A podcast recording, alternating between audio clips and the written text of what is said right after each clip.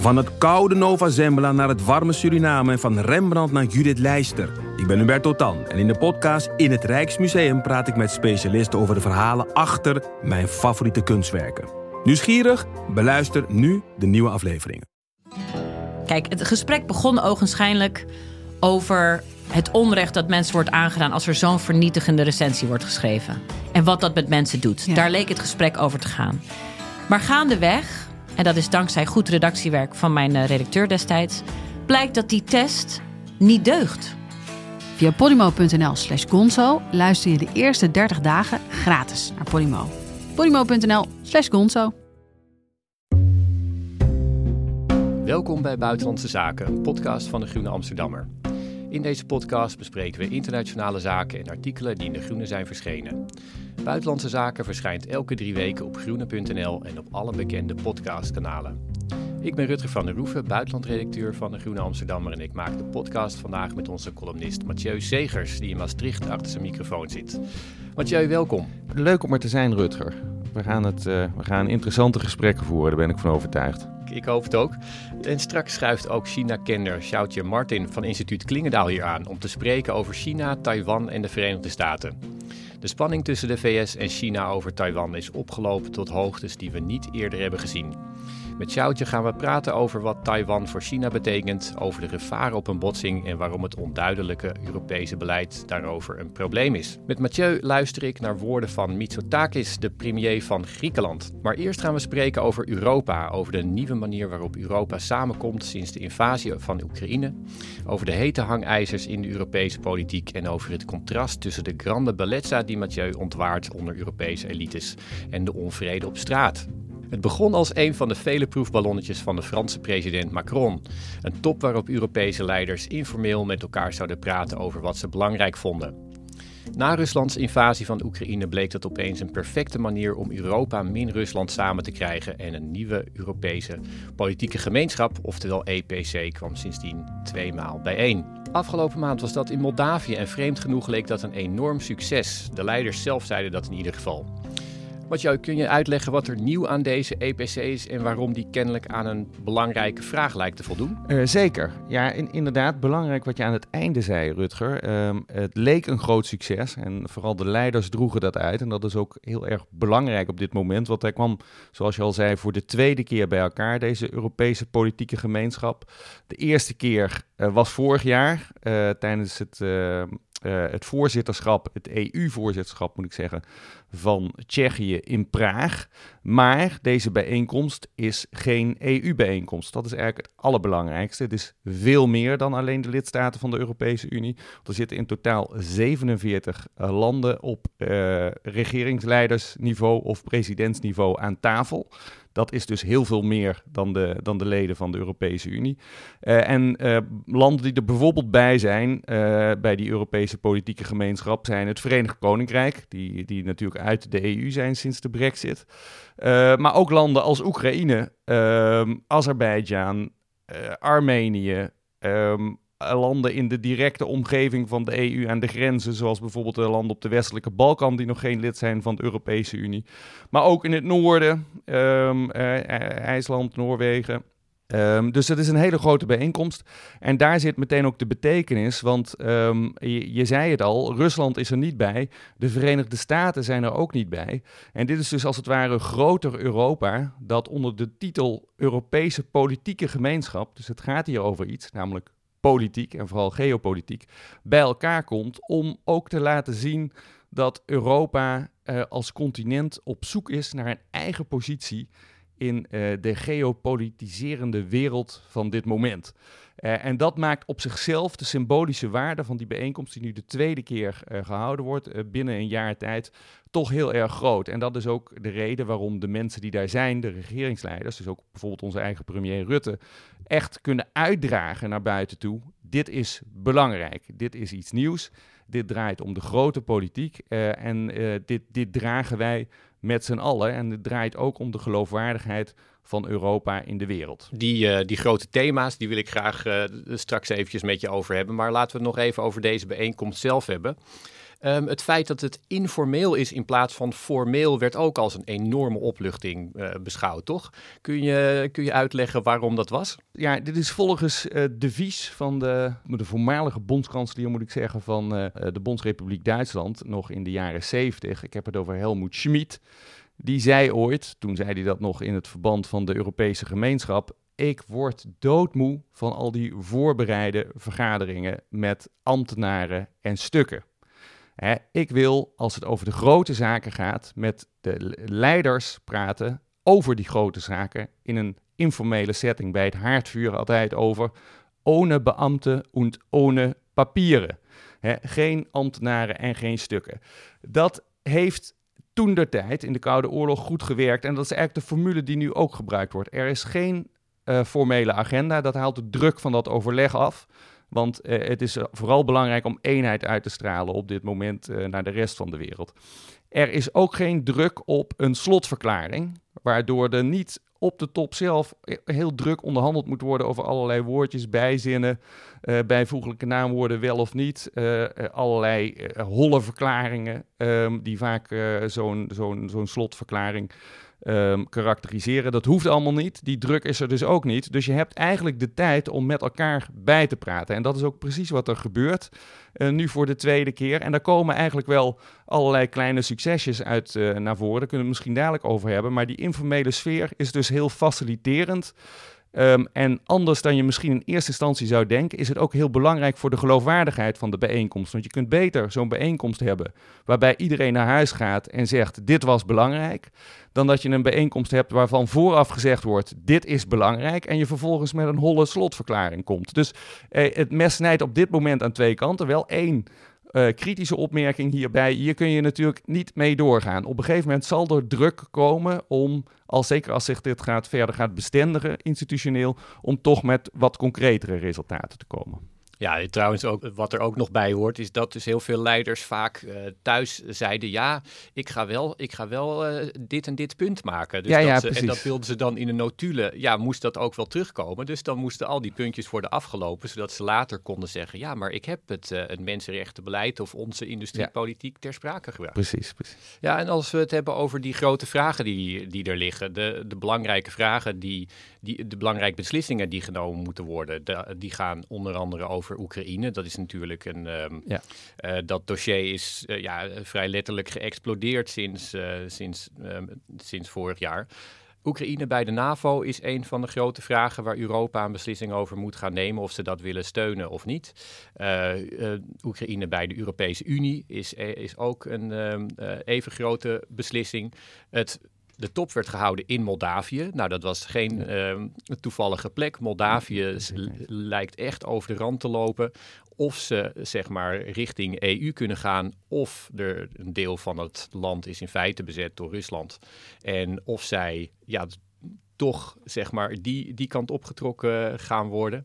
De Zweden bij de NAVO was een ander groot dossier. Dus die dingen werden ook informeel besproken. En het is natuurlijk nu wel cruciaal dat er vooruitgang komt. In juli is er overigens een NAVO-top. En dan zouden dus die dingen hopelijk ja. um, in ieder geval een soort uh, Europees standpunt moeten, moeten zijn. Ja, nee, dat, dat klopt. Um, even de dingen een beetje uit elkaar halen. Dus we, je, we hebben inderdaad Moldavië, Georgië en Oekraïne is door de Europese Unie bestempeld als een club van drie landen die nu een soort versneld traject doorlopen richting li mogelijk lidmaatschap van de Europese Unie in de nabije toekomst.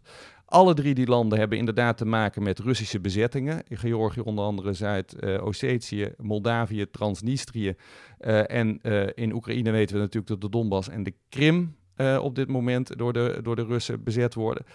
Um, die zitten dus in één, als het ware, mandje waarover gepraat wordt vanuit in ieder geval Brussels perspectief over hoe moeten we daarmee omgaan. Daarbij is het hele vraagstuk van EU-uitbreiding ja, op een heel andere manier op dit moment aan de orde dan dat wij ooit gedacht hadden. Zeker in een land als Nederland, waar toch altijd de benadering was: ja, EU-uitbreiding liever niet. Uh, zeker de laatste twintig uh, jaar um, is dat heel duidelijk geweest.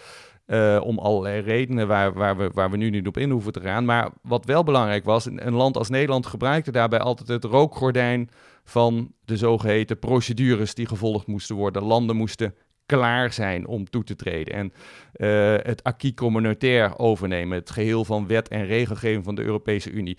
Even voor de luisteraars, er is geen enkele lidstaat in de Europese Unie die het acquis communautaire volledig heeft overgenomen. Zeker Nederland, uh, zeker ook niet. Dat gaat om 80.000 pagina's plus aan wet en regelgeving. Niemand kent dat acquis communautaire, daar is niet doorheen te komen. Maar uh, dat is dus altijd een reden om te zeggen, ja, u bent nog niet klaar. En in dit uh, Kafkaeske surrealistische spel was Nederland echt een meester de afgelopen jaren. Ondertussen is onder druk van uh, de oorlog in Oekraïne natuurlijk de dynamiek op dat uitbreidingsdossier helemaal omgekeerd. Sterker nog, de Europese Commissie, de hoeder van de verdragen, dus eigenlijk de drager ook van het acquis communautaire, heeft zelf bij monden van Ursula von der Leyen, de voorzitter van de Europese Commissie, gezegd: die uitbreiding met Oekraïne moet heel snel gebeuren, uh, want dit is geopolitiek. Kortom, al die wet en regelgeving aan de kant. Er zijn hier grotere politieke argumenten uh, die, die dit soort uh, regeltjes overstijgen. En die moeten nu ook primair zijn. Dat maakt dat dit nu een heel urgent dossier is.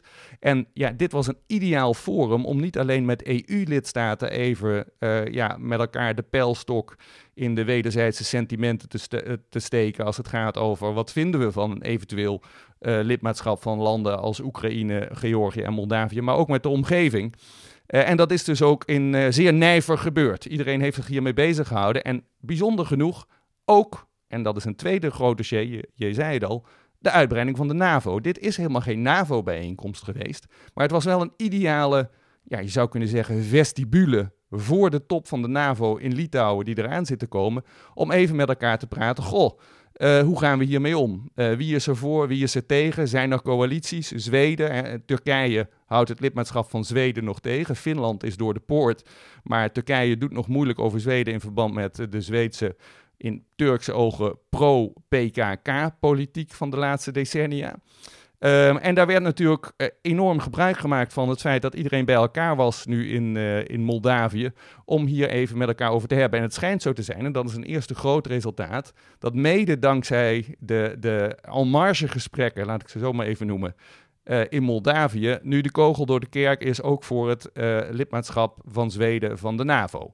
Uh, dus daar zie je hè, wat voor functie die Europese politieke gemeenschap al heeft, doordat iedereen hem eigenlijk serieus neemt. Ja, en je had het ook nog over, Ar over Armenië, hè? want dat was toch een, een duidelijk, zou je kunnen zeggen, informeel en, en heel belangrijk resultaat. Kijk, en dat, en dat is eigenlijk heel bemoedigend, want ik ben daar best, nou, je moet natuurlijk niet te snel enthousiast zijn als je de internationale politiek uh, analyseert. Maar ik ben hier best enthousiast over.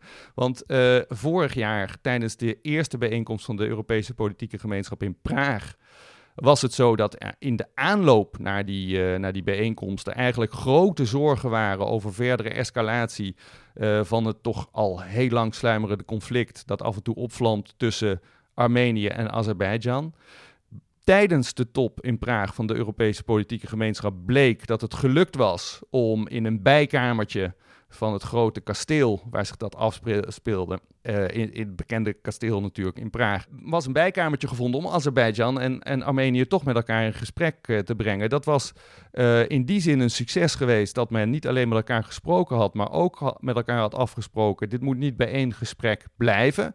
En nu, tijdens de tweede bijeenkomst van de politieke gemeenschap in Moldavië, zijn ze weer met elkaar in gesprek gegaan. Ondertussen, in de tussenliggende tijd, is de zaak enigszins gestabiliseerd tussen beide landen. En nu is er, je zult het niet geloven, Rutger, een officiële mediator aangesteld voor dit conflict. En dat is niet de eerste, de beste. Ik weet niet of je het meegekregen hebt. Vertel.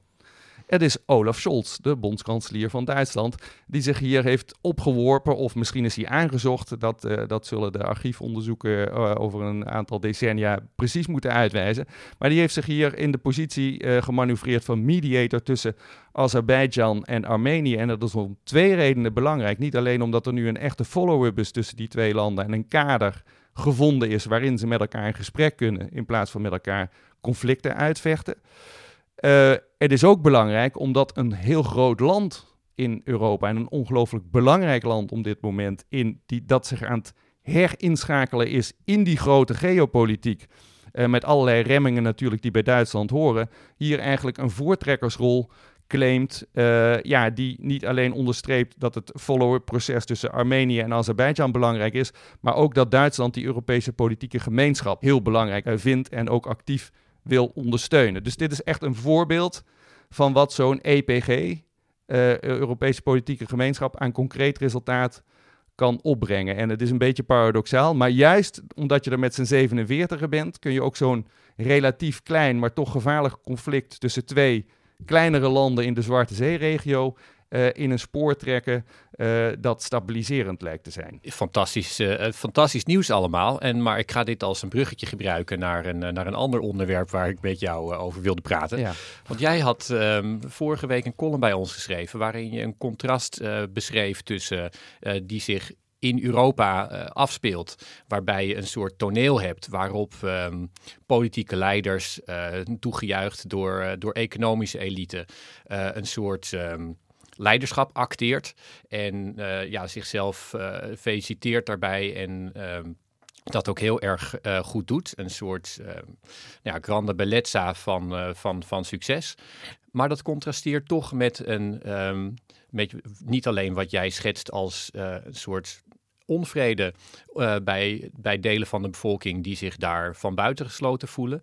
Maar ook een gevoel dat die, dat die elite een, de greep heeft verloren op een toekomstperspectief. En op een, op een geloofwaardig verhaal waar um, de bevolking waar, die zij representeren in meegenomen wordt. Ik vat het nu ongetwijfeld niet goed samen. Dus kun jij uh, zeg maar beter zeggen wat je bedoelt en kun je dat contrasteren met wat je dan nu in de Europese politiek ziet? Ja, de, eh, de, de inspiratie voor die column, en heb ik ook erin uh, opgeschreven, uh, was een, uh, is een recent boek van de Poolse politicoloog Jan Zilonka, al jarenlang verbonden aan Oxford en de Universiteit van Venetië ook trouwens. dat is een, is een interessant boek. de titel daarvan is The Lost Future, dus de verloren toekomst.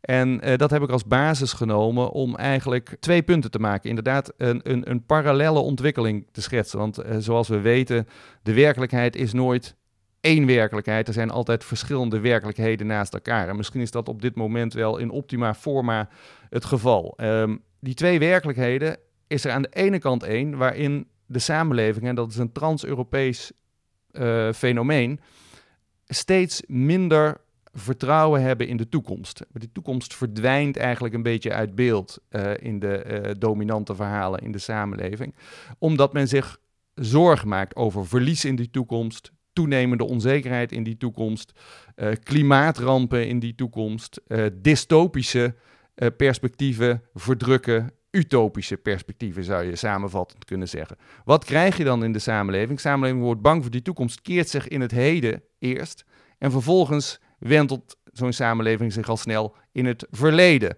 Om daaruit als het ware ideaaltype te destilleren in plaats van uh, hoop uh, uh, op een betere toekomst als leidend perspectief te hebben. Nou, zo'n naar, naar binnen en naar het verleden gekeerde samenleving zien we eigenlijk in heel Europa. op dit moment tot ontwikkeling komen, eigenlijk al een aantal jaren lang. En de huidige, ook geopolitieke ontwikkelingen zijn wat dat betreft alleen maar wind in de zeilen van die manier van kijken. Nou, in die setting krijg je een politiek die tamelijk opportunistisch is. Want het is niet interessant om de bevolking mee te nemen met wenkende toekomstperspectieven. Dus je gaat ook in de politiek, een politiek eh, zoals, je, zoals je, jij weet, Rutger en ik ook, um, politiek is altijd de laatste die draait. Hè? Dus die bevolkingen zijn al lang gedraaid, politiek moet aan de macht blijven, die draaien gewoon mee. En die draaien nu ook mee door de blik en de steven te wenden naar het verleden. Ook dat is een trans-Europees fenomeen. Maar ze doen dat met natuurlijk een soort aangemeten flair van wij luisteren naar de bevolking, wij hebben u gehoord, uh, wij gaan problemen oplossen. Ik wil onderdeel zijn van de oplossing. Een ander citaat dat we deze week uh, wel meer gehoord hebben. En al dat soort dingen meer. Terwijl dat, dat eigenlijk heel erg cynisch overkomt, omdat tegelijkertijd die toekomst verduistert. Ook door deze opstelling van de politiek. Want wat de bevolking vraagt is helemaal niet draai met ons mee naar een dystopische uh, houding en, en een blik naar het verleden. Nee, Geef ons alstublieft een wenkend toekomstperspectief. Maar dat doet de politiek natuurlijk niet, omdat men bang is voor de electorale gevolgen van zo'n draai. Nou, in deze klem zitten we al een tijd vast. Politiek wordt daardoor cynisch. Het democratisch draagvlak uh, neemt af. Uh, de, de, de samenhang in de sa samenleving neemt af. Want als er geen wenkend toekomstperspectief is, waarom zou je dan niet de wet overtreden, bijvoorbeeld in het heden?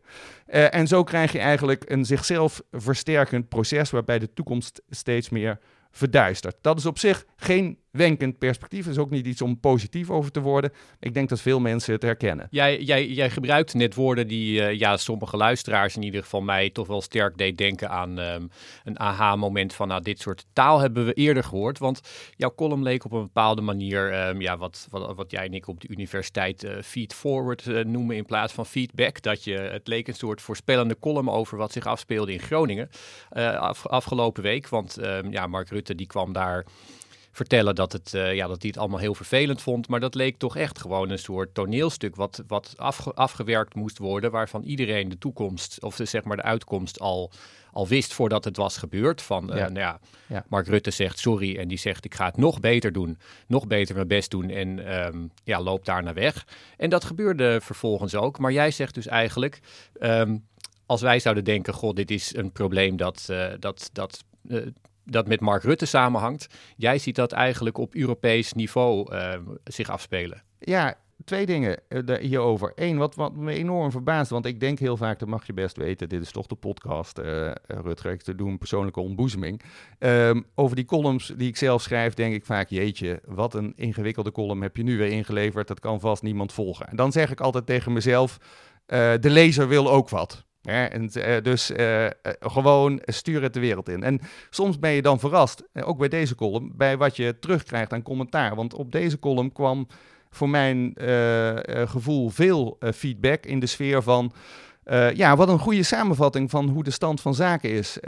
wat bondig hè, opgeschreven. Dus dat was voor mij dan weer een, een soort bevestiging dat ik de juiste beslissing had genomen door het, door het niet te versimpelen verder. En ik denk wat mensen herkennen is het verdwijnen van die, van, van die toekomst. En een politiek zonder toekomst wordt per definitie opportunistisch. En we zien er allemaal voorbeelden van. Dus als je dat dan samenvat, dan zien mensen ook gewoon in de nationale politiek uh, die voorbeelden meteen eigenlijk op het moment zelf zich afspelen. En ik denk inderdaad dat dat een, uh, een trans-Europees fenomeen is. En ik ben eigenlijk best wel uh, positief. Uh, um, over de mogelijkheid dat we ook een draai gaan meemaken. Want um, aan de ene kant zie je dit dus, wat we nu uitgebreid beschreven hebben, een soort cynische politiek met steeds minder toekomstperspectief en steeds meer gericht naar een soort no nostalgisch verleden. Aan de andere kant zie je in de samenleving onvrede met deze beweging en zegt men eigenlijk ja, maar als wij, en dat heb ik echt aan het boek van Jan Zilonka ontleend, en dat vind, daarom vind ik het ook zo belangrijk om dat te noemen. Jan Zilonka heeft gewoon de communistische jaren in Polen meegemaakt. En die zei daarover, zegt hij in dat boek, uh, wij zeiden tegen elkaar in de jaren tachtig, wij leven met elkaar in absurdistan. En toen we dat tegen elkaar gingen zeggen, toen zeiden we vrij snel daarna tegen elkaar, dit is banaal. en omdat het banaal is, moeten we, en we dat erkennen en beseffen, kan het ook anders. Want als wij niet akkoord gaan met deze banale werkelijkheid, dan moet er ook een andere werkelijkheid zijn. Nou, dat zie ik ook. Hè. Die tegenbeweging zie je ook. Er is de laatste jaren overal in Europa enorm gedemonstreerd. Over van alles en nog wat. Die demonstraties nemen niet af.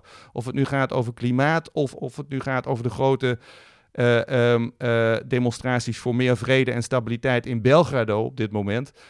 binnen die hele bandbreedte daartussen wordt er door grote groepen in de samenleving in heel Europa uh, eigenlijk rugbaarheid gegeven aan het feit dat men niet akkoord is met de banaliteit van de werkelijkheid, de politieke werkelijkheid op dit moment. En dat is denk ik hoopgevend. Daarnaast, en dat is, dat is La Grande Bellezza, zie je de, het ancien regime, zou je kunnen zeggen, de oude de dragers van de oude orde, die langzamerhand toch aan het wankelen is, ja, die zijn, zitten nog helemaal in het zadel. Dus die zeggen, het gaat toch hartstikke goed. De, de clipjes van het VVD-congres waren wat dat betreft echt interessant om te zien, die op social media verspreid zijn. Want daar zie je helemaal dat gevoel. En die mensen leven in het heden alsof er geen morgen zal zijn, met hele grote middelen. En die, die, die brengen allerlei dingen tot stand, kopen zaken, uh, laten het breed hangen. Organiseren waanzinnige feesten. en dat is La Grande Bellezza, die ik zo heb ik het genoemd. La Grande Bellezza is nergens mooier dan op, op het pad naar beneden. en dat is natuurlijk ook zo. Ook dat kennen we uit, uit de Europese geschiedenis. En al deze werkelijkheden bestaan op dit moment naast elkaar. De cynische, die van het klatergoud en het echte goud van de bezittende klasse op het pad naar beneden. En die toch naar hoop zoekende maatschappelijke uitingen, onder andere in de vorm van allerlei demonstraties in heel Europa, die eigenlijk die verduistering van de toekomst daarvan af willen en zoeken naar nieuw zonlicht en, en, en, en het, het perspectief van een betere wereld op de ene of de andere manier. En met name dat laatste perspectief zag je natuurlijk al heel lang in Midden- en Oost-Europa. En ook daarom is die politieke gemeenschap zo interessant. Want dat gedeelte van Europa, of je nou hebt over Moldavië, uh, Polen, de Baltische Staten, uh, Roemenië.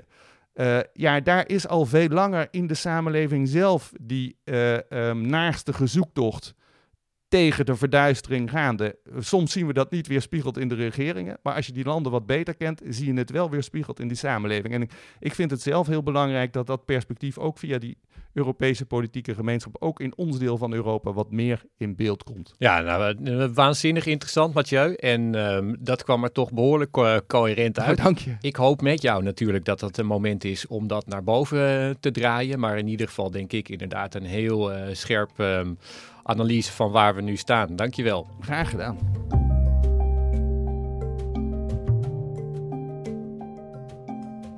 En dan nu historische woorden, onze rubriek waarin we een citaat bespreken van een politicus uit de afgelopen weken dat zomaar historisch zou kunnen worden. Mathieu is blijven zitten, want Casper Thomas is deze maand met verlof, dus wij doen het met z'n tweeën. Deze week luisteren we naar Kyriakos Mitsotakis, minister-president van Griekenland. Hij sprak de volgende woorden nadat zijn partij de Griekse verkiezingen van eind mei had gewonnen. Ο πολιτικός σεισμός που εκδηλώθηκε σήμερα μας καλεί όλους να επιταχύνουμε την διαδικασία για οριστική κυβερνητική λύση στον τόπο, ώστε η πατρίδα μας να έχει το συντομότερο δυνατόν έμπειρο χέρι στο τιμόνι της. Ja, hij zei hier: De politieke aardbeving die vandaag plaatsvond, roept ons op om regeringsoplossingen te versnellen, zodat we het land een vaste hand, een ervaren hand aan het roer kunnen geven. Nou ja, dat is natuurlijk uh, ontzettend wollige taal. Maar hij sprak over een politieke aardbeving. Dat is dan dus een enorme overwinning voor zijn partij. En hij had het ook over een ervaren hand. Die twee zijn de, zeg maar, de cruciale woorden. Ten eerste moet volgende maand gaan blijken of dit echt klopt. Want hij heeft meteen nieuwe verkiezingen laten uitschrijven. In de hoop dat hij in juni een absolute meerderheid in het parlement gaat krijgen. Nou, dat is dus maar, uh, dat is maar de vraag. Als hij dat niet haalt, dan, wordt, uh, dan zullen zal deze uitspraak hem nog achtervolgen. Omdat hij. Um, dan de huid verkocht heeft voor de beer geschoten is. Maar hij presenteert zich ook de hele tijd als een ervaren hand die het land op de juiste koers gaat zetten. En daar ja, valt toch wel een, een en ander op, op af te dingen. Mathieu, hoe luisterde jij naar uh, die woorden en keek jij naar die overwinning? Ja, kijk, um, uh, een beproefd recept is natuurlijk dat je verkiezingen wint met een agenda die stabiliteit belooft. Uh, dat, is, dat is heel vaak in, in, in, uh, in Europa echt een manier om verkiezingen naar je toe te trekken. En er is een zekere geloofwaardigheid in de claim van uh, Mitsotakis, omdat hij ook de zittende premier is en de huidige groei bijvoorbeeld in Griekenland ook claimt als een succes van zichzelf. De Griekse bevolking is op zoek naar stabiliteit en zoveel keuze is er eigenlijk niet. Bovendien heeft Mitsotakis uh, de steun eigenlijk een beetje stilzwijgend vanuit de Europese Unie. Want die zijn blij dat er allerlei zaken uh, ook voor de Europese Unie van belang gestabiliseerd zijn. Uh, als, of het nu gaat over de instroom van vluchtelingen of de economie of de invloed van, van, de, van, de, van de redersfamilies. het is allemaal iets minder piek Grieks dan het was. En daar is men in Brussel al snel tevreden over. Maar je hoort het al een beetje in mijn toon, Rutger ja, je kunt hier ook best wel heel cynisch over worden. En daar weet jij veel meer van. Ja, ik ben bang dat ik daar inderdaad eventjes, uh, dat ik daar inderdaad um, uh, wel echt cynisch van word. Ik, voor, ik was echt treurig om dit te zien. Kijk, de, de achtergrond is dat uh, Neo-Democratia, die partij, die is de hoofdverantwoordelijke voor de puinhoop waar Griekenland nu in zit. Zo simpel is het gewoon. Dat, er is onder die partij een enorme corruptie heeft plaatsgevonden in het begin van deze eeuw. Um, dat is vervolgens is dat uh, geopenbaard door de uh, Sociaal-Democratische Partij PASOK. Um, nu is het zo dat dat niet uh, zeg maar dus de goede partij is, want PASOK is ook, heeft ook meegedaan aan, het, aan de corruptie in Griekenland en heeft, is, is ook deel aan die puinhoop. Maar in ieder geval, uh, PASOK, minister-president, maakte dat bekend. Op dat moment uh, ontstond er een schuldencrisis. Uh, Griekenland ja. werd vervolgens met, uh, met hele harde hand door Europa tot bezuinigingen gedwongen. Zij kozen toen als oplossing voor een nieuwe linkse partij, Syriza. En die partij die kwam in 2015 aan de macht als zo van wij beschone handen, wij gaan dit oplossen. En die zijn toen door, uh, door Europa met onze grijnzende Jeroen Dijsselbloem met het mes op de keel gedwongen tot een, uh, een draconisch uh, bezuinigingsbeleid. Echt een heel erg zwaar bezuinigingsbeleid dat heel zwaar heeft ingegrepen op de levensstandaard en toekomstperspectieven van de Grieken omdat Syriza eigenlijk was um, ja, gesaboteerd in het zoeken van zijn eigen oplossing, hebben zij de meest chaotische jaren bestuurd met een agenda die niet te hunne was, een soort neoliberale agenda. Daarmee is ook Syriza besmet geworden en de Grieken hebben nu min of meer de keuze gehad tussen ja, de nieuwe democratie of PASOK, allebei uh, deel van de, de, aanstichters van de puinhoop. Syriza, de partij die zich uh, ja, die door de knieën ging voor Europa en vervolgens uh, ja, die, die puinhoop probeerde te bestieren. En ze hebben dan gekozen voor wat um, nu Mitsotakis uh, de ervaring noemt in een soort ja. zucht naar stabiliteit. Ja, ik vind het echt heel, heel naar om te zien. Dat land is echt kapot gemaakt. Nederland heeft daar jammer genoeg een, uh, een groot aandeel aan gehad. En um, ja, dit is een, een keuze uit armoede. Ik kan dat niet anders zien. Maar wat natuurlijk hoorde bij de politiek van austerity, zoals die genoemd werd, de bezuinigingspolitiek die eigenlijk vanuit, uh, vanuit de trojka werd aangestuurd, vergeet dat niet, ook op Nederlands initiatief. Dus het IMF zat er ook en het was niet alleen de Europese Unie, daar waren sterker nog wat meer gematigde stemmen ook te horen. Uh, die enorme ingrepen, snoeipolitiek uh, in de Griekse samenleving en economie, die leidt nu wel natuurlijk, uh, want wie snoeit, die ziet weer nieuwe loten aan de boom, tot, tot groeicijfers, waarvan menig Brussels bureaucraat het ja, toch heel erg warm krijgt in de zin van, jeetje, wat, wat gaat het goed in Griekenland? En dat hoor je ook in diverse, ook internationale media. De, de Griekse groeicijfers zijn zeer indrukwekkend. Uh, hoe, hoe kijk jij daarnaar? Is het inderdaad gewoon een, gevolg van afbraak? Ja, kijk, als je, als je, als je in een heel diep dal zit en je, en je krabbelt eruit, dan is dat al snel hoge groeicijfers. Ja. Maar dat betekent niet dat dat uh, ten goede komt aan de, aan de gewone Grieken. En uh, de economie is nog steeds 20% kleiner dan die was voor die, voor die crisis. de levensstandaard van de Grieken is een stuk lager. Dus ja, dat zijn, dat zijn op papier hele, hele mooie cijfers. Maar Griekenland is gewoon nog lang niet terug waar het, waar het was, laat staan uh, verder gekomen. Dus uh, nee, ik, uh, ik ben over die, over die groeicijfers ben ik inderdaad ook niet zo opgetogen.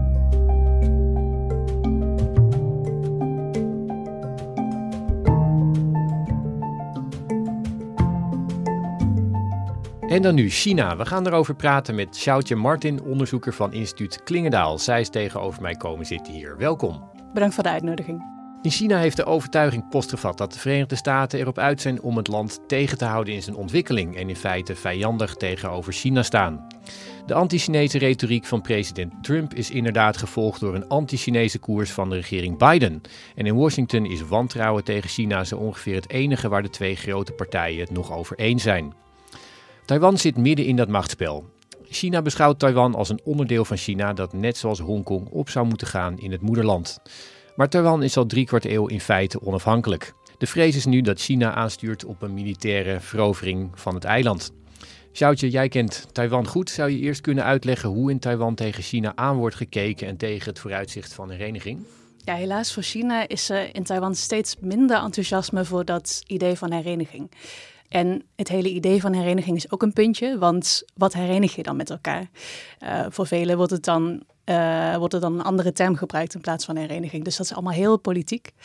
Um, maar er is ook onderzoek naar gedaan. Uh, er is een universiteit die elk jaar dan peilt bij Taiwanese van nou, hoe voelen jullie je, uh, hoe identificeer je je ook en wat vind je van uh, hereniging. En je ziet het percentage dat voor in hereniging is, dat daalt gewoon steeds meer. En dat is nu, um, is dat maar op 6% van mensen die vinden van we moeten zo snel mogelijk herenigen. En het grootste gedeelte van de mensen die zegt nou we moeten de status quo behouden, voor de korte termijn. En dan zijn er nog allerlei opties van wat mensen voor de lange termijn vinden. Maar de meeste vinden in ieder geval voor nu status quo behouden zoals het nu is. Taiwan de facto onafhankelijk. Ja, nou ja, je zou kunnen zeggen, goed, het, het is op zich logisch dat, dat China dat zou, zou willen en dat Taiwan in feite onafhankelijk is, is, is pijnlijk voor China. Maar historisch gezien is Taiwan helemaal niet een, een heel erg belangrijk of centraal deel van China geweest. Waarom lijken dan Xi Jinping en andere Chinese leiders er zo'n groot gewicht aan toe te kennen dat ze mogelijk zelfs een oorlog met de Verenigde Staten zouden riskeren om dat toch te bereiken? Ja, er zijn eigenlijk twee belangrijke redenen. Um, de plek die Taiwan inneemt in het narratief van China. En dan de strategische redenen van waarom het nu dan belangrijk is dat het uh, terugkomt bij het Chinese moederland, zoals zij dat zien. En die eerste reden is, nou, Taiwan heeft een hele belangrijke plek in die geschiedenis van China. In dat de Chinese Volksrepubliek onder het communistische China dus is opgericht na een hele lange burgeroorlog met uh, de nationalisten die toen naar Taiwan moesten vluchten. En dat hele punt van Taiwan is dus echt essentieel voor die Chinese geschiedenis. Uh, waarbij China, de Chinese kant, dus zegt: wij willen ons weer als grootmacht opstellen in de wereld. Dat is onze plek die wij verdienen. En daarbij hoort hereniging met Taiwan, omdat dat destijds van ons is afgepakt. Uh, ja. zeg maar. Dus zeg maar, die, uh, je hebt het over de Chinese burgeroorlog. Nou, die was vlak voor de Tweede Wereldoorlog. En toen vervolgens, toen na de Tweede Wereldoorlog, toen won de communistische uh, de communistische leger die won dat onder Mao en toen vluchtte de, de, de, de Kuomintang naar Taiwan. Is het dan ook zo dat dat soort van wordt beschouwd als um, ja, unfinished business? Dat eigenlijk die oorlog niet over is voordat uh, Taiwan ook is veroverd? Ja, die, die, jaren na het vluchten van de Kuomintang was de, de oorlog natuurlijk nog heet. En in de jaren daarna is dat steeds meer gaan afkoelen, omdat er nou eenmaal een situatie was waarbij allebei de partijen claimden dat zij het echte China was, maar er niet echt militair conflict, er was geen echt gevecht tussen de twee. Um, nu zie je de laatste paar jaren dat dat weer uh, aan het verhitten is en dat er steeds meer militaire activiteit rondom Taiwan ook is. Um, en die tweede reden die ik noemde, dat uh, Taiwan belangrijk is voor China, is dat stel dat uh, China Taiwan zou binnenvallen en dat zou lukken, zou het opeens veel meer invloed in de regio kunnen uitoefenen. Want Taiwan is een, heeft een hele strategische positie in die Indo-Pacific, zoals ze dat dan noemen. En als het daar militaire basis kan zetten, dan kan het opeens veel meer militaire invloed uitoefenen op de rest van de regio. In Rusland was het zo dat, dat Poetin heel, heeft veel vaker dingen gezegd over dat, dat Oekraïne eigenlijk bij Rusland hoort, dat het één, één land zou moeten zijn. Maar ja, veel mensen namen toch niet serieus dat dat echt zou betekenen dat hij op een gegeven moment zou beslissen om militair te proberen dat land te veroveren. Nou, dat is natuurlijk toch gebeurd. Nu is het zo dat dat ja, mentaal heeft dat misschien veranderd hoe mensen aankijken tegen het risico dat China zoiets zou doen. Maar er zijn ook meer, er zijn ook andere tekenen die erop wijzen dat misschien China echt dat land zou, uh, dat eiland zou willen veroveren. Denk jij inderdaad dat, dat de laatste jaren het risico op zo'n invasie groter geworden is? Helaas wel. De Chinese kant heeft altijd gezegd: um, wij willen herenigen met Taiwan. Het liefste vreedzaam, maar we behouden de optie tot geweld en dat, dat mogen wij doen, zeggen ze dan. En nou ja, twintig jaar geleden was dat niet zo'n spannende dreiging, maar nu, omdat het leger veel sterker is geworden van China, zit er ook veel meer macht achter die dreiging. Um, en daarnaast zie je ook, um, het is niet per se alleen maar een invasie waar we ons zorgen over moeten maken, maar ook alle andere stappen van escalatie die daar tussenin zitten. Uh, dus bijvoorbeeld ja, Chinese sancties op Taiwan, um, het uh, opdrijven van de druk in de regio, uh, economische blokkade. Er zijn allerlei scenario's die China kan kiezen om het te laten escaleren, maar niet zo ver te laten escaleren als echt een oorlog. Ja, en dan ook een oorlog waarbij de Verenigde Staten zouden meedoen. Ik bedoel, ik denk dat um, als China een oorlog zou kunnen voeren alleen tegen Taiwan zonder de Verenigde Staten erbij, dan zou dat wel iets totaal anders zijn. Iets wat ehm, Beijing misschien toch veel sneller toe zou beslissen dan wanneer de mogelijkheid groot is dat de Verenigde Staten mee zouden doen. Um, geloof jij dat er is een van die dingen die, die dan de afgelopen maanden bekend werden, is dat Xi Jinping zou hebben gezegd tegen zijn legertop dat, ze zich, dat, dat, dat hij wil dat ze in 2026 klaar zijn voor dit karwei. Geloof jij dat? Of denk je dat dat. Um, of denk je dat dat geruchten zijn die misschien vanuit Amerika worden, ja, worden, worden opgeklopt? Ja, de verwoording die uh, Xi Jinping gebruikte, die is ook heel specifiek. Hij wilde dat het leger zich uh, klaarmaakt voor oorlog. Um, en klaar is ook om een oorlog te winnen. Dat betekent natuurlijk niet dat ze het gaan doen, maar hij wil heel graag dat die capaciteit er komt. En dat is ook nou ja, logisch vanuit het Chinese oogpunt. Het uh, Chinese militaire leger is heel erg lang veel te zwak geweest. En er zijn heel veel gevallen geweest in de Chinese geschiedenis, ook rondom Taiwan, dat het iets probeerde te doen richting Taiwan. En toen heel duidelijk bleek, nou, dat Amerikaanse leger is veel sterker. Uh, en de Chinezen moesten toen ja, terugtrekken eigenlijk. Dus het wil voorkomen dat het weer in zo'n situatie komt. Nou, nu gaat Taiwan volgend jaar naar de stembus. Dat wordt beschouwd als een risicovol moment. Kun je uitleggen waarom dat is? Ja, het is een spannend moment omdat uh, China ook in het verkiezingsprogramma staat.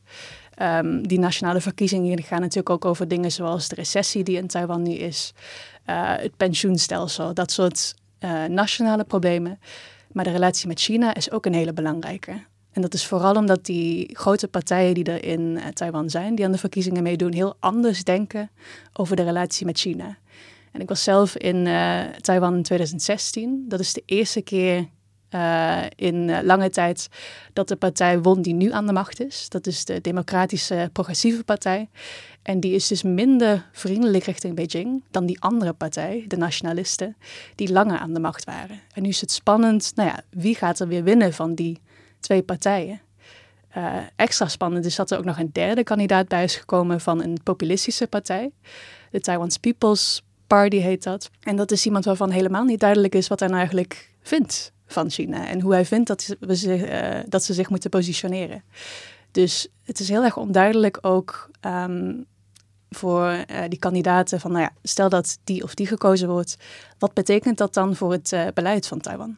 Ja, maar het is wel zo dat als een van die leiders zou zeggen, uh, wij doen afstand van het idee dat China één land is, wij zijn vanaf nu onafhankelijk.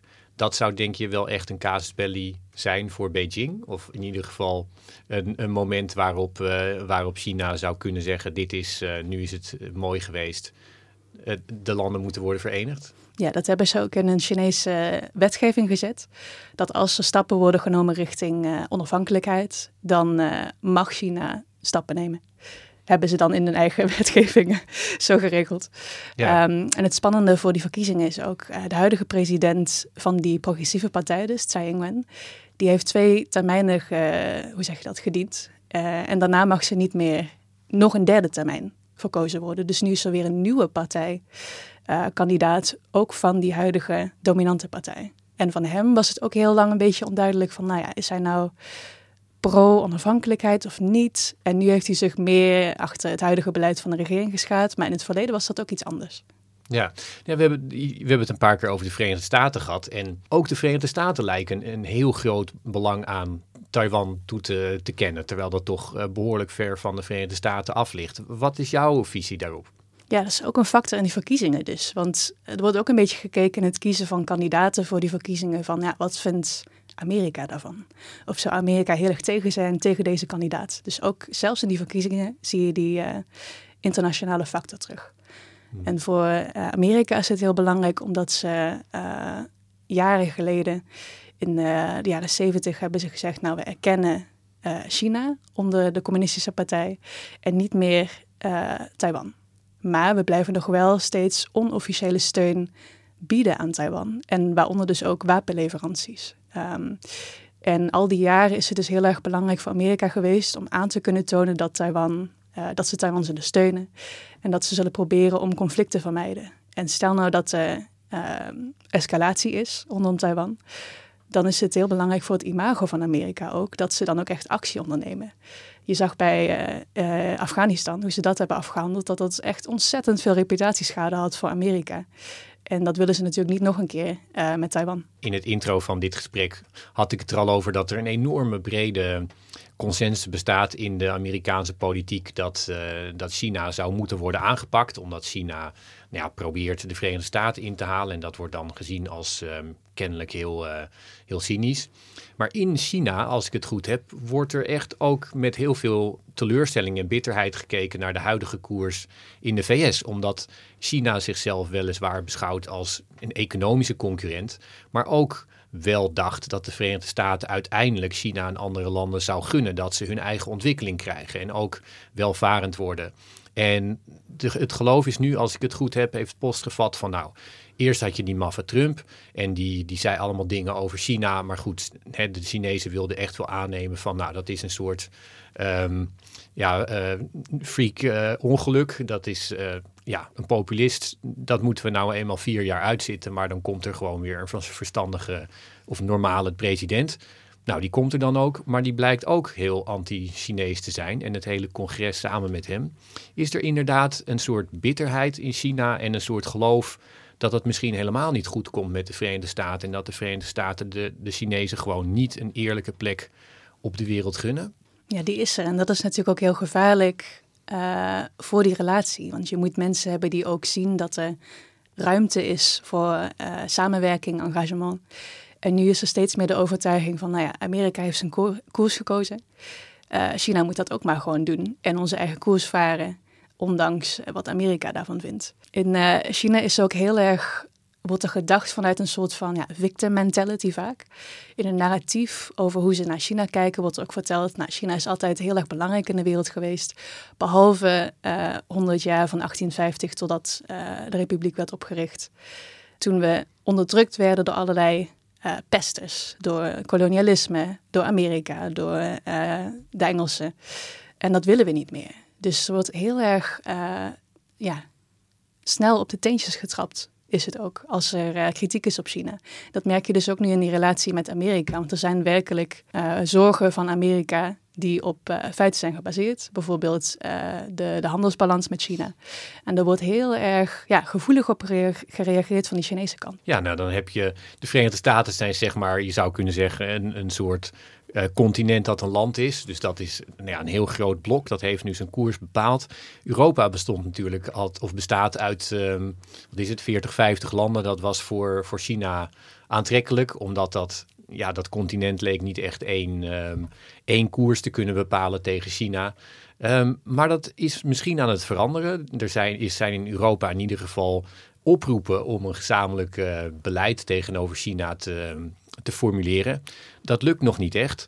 Maar het is eigenlijk onhelder wat, wat Europa van alles vindt. Er was in april een groep Europese leiders in China. En toen zei de Franse president Macron dat Europa zich niet moet laten meezuigen in een conflict tussen de Verenigde Staten en China. Als dat tot een conflict over Taiwan zou komen. Maar de voorzitter van de Europese Commissie, Ursula von der Leyen, die was ook mee. En die zei juist dat, dat Europa de stabiliteit rondom Taiwan van het hoogste belang vindt. En buitenlandgezant Jozef Borrell, die stelde voor om Europese oorlogsschepen samen met Amerikaanse te laten varen rond Taiwan. Dus dat was ook weer een ontzettend onhelder en, um, en tegenstrijdig beleid. Jij hebt uh, een rapport geschreven dat, dat, dat die onhelderheid op zich al een probleem is. Kun je uitleggen waarom dat is? Ja, ik heb een, een artikel geschreven voor uh, het online magazine van Klingendaal, de Klingendaal Spectator. Um, why is the European inconsistency on Taiwan a concern? Dus waarom moeten we ons zorgen maken over ja, dat er geen consensus is in het uh, Europese beleid richting Taiwan. Uh, over het algemeen is er in uh, de Europese Unie een één-China-beleid. Dus China wordt erkend, Taiwan niet. Maar daarbuiten zijn er heel veel verschillende meningen over ja, wat moeten we dan doen als er escalatie is. Moeten we met Amerika meegaan of niet? En die stappen daarvoor, wat kunnen wij als Europeanen doen om escalatie te voorkomen? En je ziet heel erg dat er allerlei verschillende meningen zijn. En dat dat ook uh, ondermijnt wat de Europese boodschap is. Want die zou natuurlijk moeten zijn: wij willen geen escalatie. En wij zullen bijdragen aan het voorkomen van die escalatie. Maar als je allerlei verschillende boodschappen hebt, ja, dan, dan raakt dat verloren. Ja, ik zag trouwens laatst was er, was vorige week geloof ik, had Denk ICFR had zo had gepeild in Europese landen wat de steun zou zijn. Of, of hoeveel, uh, welk aandeel van de bevolking um, zou zeggen, we moeten Amerika steunen in een conflict met China of we moeten China steunen of we moeten er niet mee, ons mee bemoeien. En er was inderdaad hele grote verschillen. In uh, de Baltische landen en Polen zeggen heel veel mensen... we moeten samen met Amerika tegen China gaan. In, in veel andere landen is het dan veel lager. Maar er is dus ook onder de bevolking geen, uh, geen overeenstelling en, en onder de leiders ook niet. Nee, en dat betekent dus ook dat uh, Europese leiders meer moeten doen om het uh, om de bevolking duidelijk te maken wat de gevolgen zouden zijn van zo'n oorlog ook. Um, de vraag was dus, uh, nou, stel dat er een Chinese invasie van Taiwan is en Amerika mengt zich in het conflict, welke kant kies je dan? Amerikaanse kant, Chinese kant of blijf je neutraal? Of je weet het niet, dat, dat was ook een optie. En de meeste mensen kozen voor ik blijf neutraal. Of ik wil het liefst dat mijn land neutraal blijft. Maar in de realiteit, in de praktijk, is dat misschien helemaal geen optie. Uh, om neutraal te blijven. Want je wordt gewoon meegezogen in zo'n conflict. Omdat dat consequenties heeft voor iedereen. Niet alleen maar uh, vanwege alle economische gevolgen. Uh, als er conflict is in Taiwan, dan zou dat voor de wereldeconomie echt een ramp zijn. maar ook vanwege de druk die verschillende landen op Europa zullen leggen om een kant te kiezen. Waaronder dus ja, Amerika natuurlijk. Die zal willen dat Europa in ieder geval meehelpt met sancties bijvoorbeeld. Het zal niet echt verwachten dat uh, Europa tanks zal sturen. Dat, dat kan Europa ook helemaal niet. Maar wel dat het uh, met de retoriek bijvoorbeeld zal steunen. Ja, en jij bent ook bang dat de, het uitblijven van een gezamenlijk beleid en de onduidelijkheid daarover, dat dat uiteindelijk bij zal dragen dat in het geval van zo'n oorlog er meer uh, dat Europa sneller de kant van de Verenigde Staten zal, zal kiezen of daar naartoe zal worden getrokken? Nou, we weten het gewoon niet. En dat is een slecht, uh, slecht punt. Dat we geen scenario's hebben wat we zouden doen in zo'n geval van oorlog. En als Amerika ons vraagt, kom ons steunen. Ja, wat gaan we dan doen? Moeten we dan eerst maandenlang overleggen wat onze positie is? Dat kan helemaal niet. Daar hebben we de tijd dan niet voor. Dus we moeten nu beslissen wat we dan gaan doen. En ik ben het uh, in dat opzicht eens met uh, de woorden van Macron. We willen inderdaad niet meegezogen worden in iets. Strategische autonomie is belangrijk, ja. Maar we moeten ook meer doen om dan escalatie te voorkomen. Nou, hier vanuit het podcast Hok in Amsterdam is die, uh, is die oproep. Dus bij deze, ik denk dat uh, Europese leiders die kunnen dat niet, uh, niet links laten liggen. Dankjewel, Sjoutje. En wij gaan dit heel, heel scherp in de gaten houden. En ik hoop je hier weer uit te nodigen dan. Veel dank. Dit was Buitenlandse Zaken, een podcast van de Groene Amsterdammer. U hoorde Mathieu Segers vanuit Maastricht en Sjoutje Martin en Rutger van der Roeven vanuit Amsterdam. De podcast werd gemaakt door Giselle Mijnlief. Je vindt ons in de algemene podcastkanaal van de Groene Amsterdammer, maar je doet ons een groot plezier als je je abonneert op ons eigen kanaal Buitenlandse Zaken, dat je onder die naam kunt vinden in de podcast-app. Als je de notificaties aanzet, mis je nooit een uitzending. Dank voor het luisteren en als u meer van ons wil lezen of abonnee worden van de Groene Amsterdammer, ga dan naar www.groene.nl.